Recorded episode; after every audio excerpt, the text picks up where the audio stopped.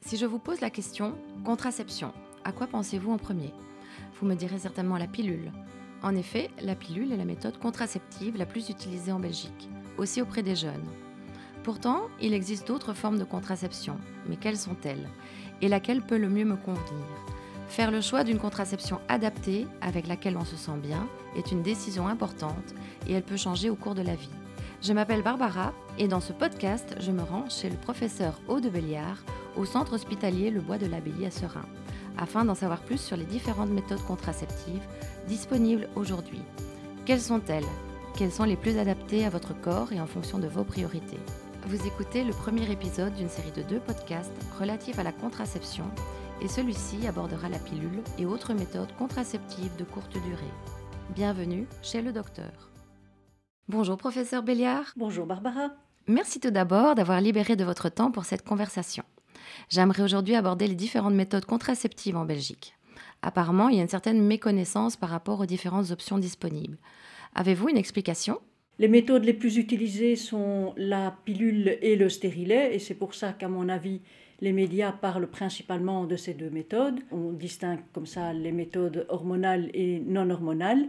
Mais il existe aussi d'autres méthodes et je pense que chaque gynécologue, lorsqu'il rencontre une demoiselle ou une patiente qui a une demande de contraception, comme on est à l'écoute de ce qu'elles veulent et ce qu'elles ne veulent pas aussi, on peut leur proposer toutes les méthodes qui existent.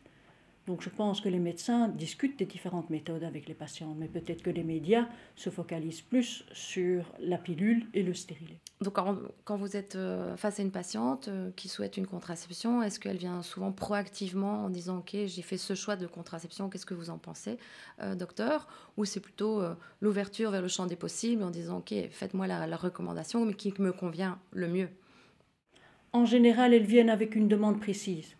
Euh, soit en effet la pilule, soit euh, une autre méthode, c'est en général un implant chez les jeunes et de plus en plus maintenant les stérilets.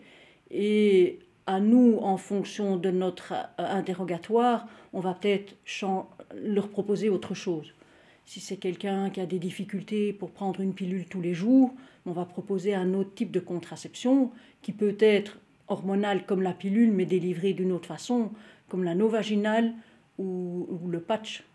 Donc elles viennent souvent avec une demande précise et parfois nous, on leur propose autre chose après avoir discuté avec elles. Est-ce que vous ressentez que vos patientes sont suffisamment informées sur les méthodes contraceptives? De plus en plus. De plus en plus, vraiment. Est-ce que les, les, patientes que vous pensez en effet informées sur les méthodes contraceptives sont correctement informées? Parce qu'on sait beaucoup que quand on a une recherche d'informations, on va souvent sur Google, on parle beaucoup de, docteur Google. Est-ce que vous pensez que, que, vos patients sont déjà bien informés? Pas vraiment, parce que justement, il faut voir la légitimité des sources d'informations qui sont en effet Internet et qui ne sont pas spécialement euh, contrôlées du point de vue médical ou scientifique. Et ça peut être des blogs ou des discussions de, de, patientes ou avec des copines ou avec quelqu'un de la famille.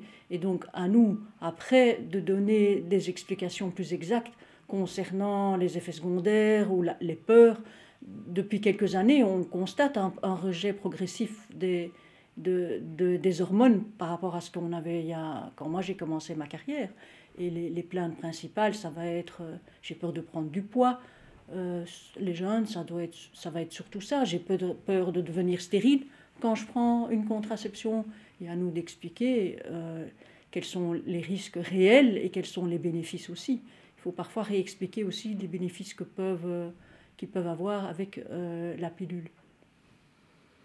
Si on, parle vraiment des, différentes méthodes contraceptives, est-ce qu'on peut vraiment les catégoriser? On parle d'hormones non hormonales. Est-ce que vous pouvez expliquer un peu les, types ou les catégories de, méthodes contraceptives qu'il existe en Belgique? Donc on peut assurer sa contraception par des méthodes dites naturelles, c'est-à-dire euh, où on contrôle euh, le cycle hormonal, euh, on évalue les sécrétions vaginales, on peut, on peut le faire par les méthodes de température, c'est vraiment pas énormément utilisé. Et en plus les dames qui veulent choisir des, un contrôle plus naturel de leur cycle. C'est pas toujours vers les gynécologues ou vers les médecins qu'elles se, se tournent. Et ces méthodes-là nécessitent une bonne connaissance de son corps et une, un écolage quand même de plusieurs mois pour être sûr de bien connaître son cycle. il faut quelqu'un qui a un cycle euh, menstruel régulier. Quelqu'un qui a un cycle irrégulier ne pourra pas utiliser cette méthode-là. Et si c'est quelqu'un qui évalue sa glaire cervicale, s'il y a une infection vaginale par exemple, elle ne pourra pas évaluer sa glaire. Et il existe des, donc des méthodes qui ont été bien reconnues, bien évaluées, mais qui se font avec des coachs et ça peut prendre plusieurs mois pour bien les utiliser. Les méthodes dites mécaniques qui consistent à empêcher la rencontre entre un ovule et un spermatozoïde. Euh, ou perturber la rencontre entre l'ovule et les spermatozoïdes. Là, on va principalement avoir le, le préservatif et comme méthode mécanique les stérilets non hormonaux. Et puis il y a les méthodes hormonales qui peuvent être administrées sous forme de comprimés, ce sont les pilules, ou sous forme non orale comme un patch, un anneau vaginal, un implant contraceptif, une injection de contraception ou le stérilet qui contient des hormones. Et enfin, il y a les méthodes dites définitives qui sont les stérilisations, soit euh, masculines, soit féminines.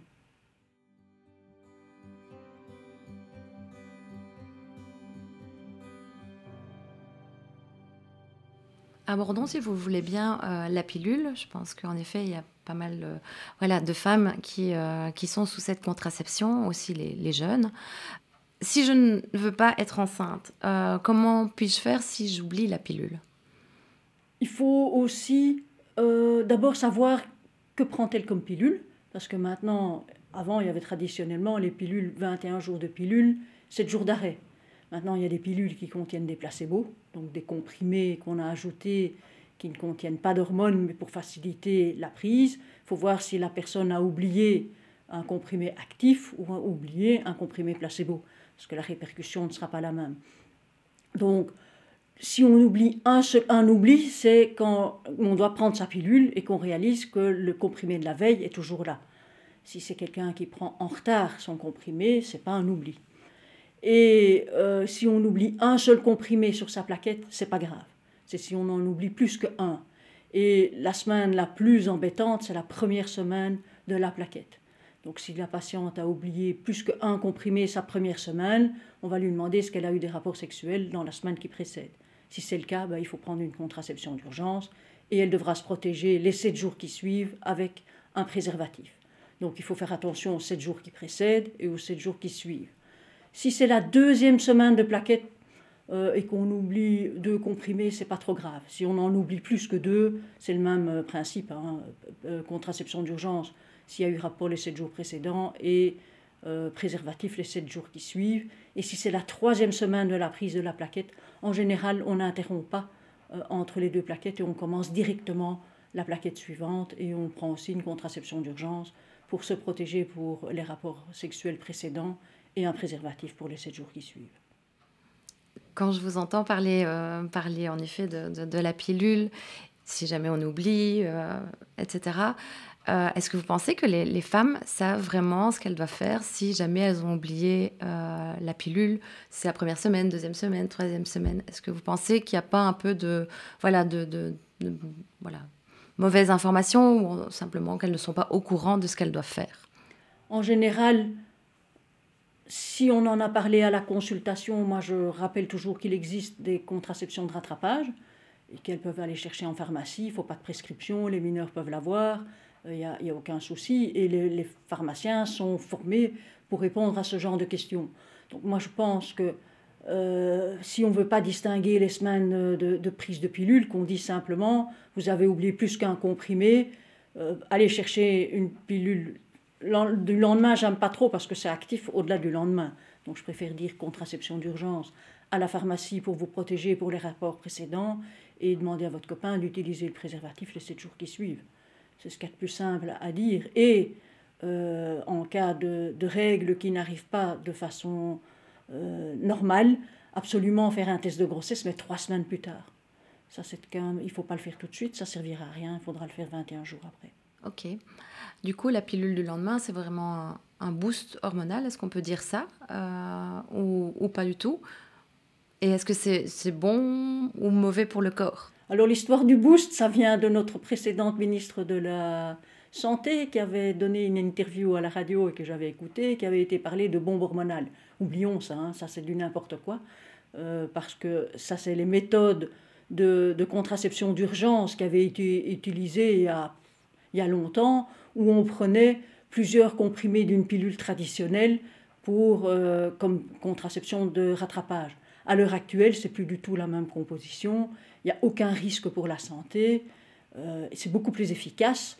Et il existe deux types différents de, contraception de rattrapage. Et le pharmacien pourra euh, conseiller laquelle des deux utiliser. Mais ce n'est pas des boosts, ce n'est pas des bombes hormonales. Et tout le monde peut le prendre. Et au contraire, il faut conseiller l'utilisation de la contraception d'urgence. On, constate quand même qu'il y a, il y a eu une enquête de santé qui a été faite euh, en Belgique et quand on compare sur les dix dernières années, l'utilisation de la contraception d'urgence a un petit peu augmenté. Donc euh, c'est rare hein, qu'on utilise à peu près 1%, et maintenant on est peut-être à 2-3%. Donc c'est un petit peu plus utilisé, mais ça reste encore fort marginal. Euh, encore une autre question. La pilule, elle a été un peu systématiquement proposée aux jeunes femmes, aux adolescentes, à partir du moment où elles voulaient une contraception. Au fil des temps, j'ai l'impression qu'elle a perdu un peu de, sa popularité. puis on lui attribue aussi voilà, augmentation du poids, la fatigue, risque de thrombose. On en a parlé d'ailleurs beaucoup dans les médias. Qu'est-ce que vous pensez un peu de, tout ça? En effet, la pilule, euh, quels sont ses avantages, ses inconvénients? Donc pourquoi on propose souvent la pilule comme première contraception Parce que la demande n'est pas toujours uniquement la contraception? Ça peut être quelqu'un qui a de l'acné et qui veut une amélioration de la qualité de sa peau. Ça peut être quelqu'un qui a des règles douloureuses. On a parlé beaucoup d'endométriose ces, derniers, euh, ces derniers mois. Et euh, un des traitements d'endométriose, c'est la contraception hormonale. Et donc, L'avantage aussi de la pilule, c'est que ça pourra prendre en charge des, problèmes autres qu'une demande de contraception. Donc euh, ça a des avantages sur l'abondance des règles, la régularité des cycles, les douleurs au moment des règles, l'effet bénéfique au niveau de la peau. Ça, ce sont vraiment les bénéfices autres de la pilule en dehors de la contraception.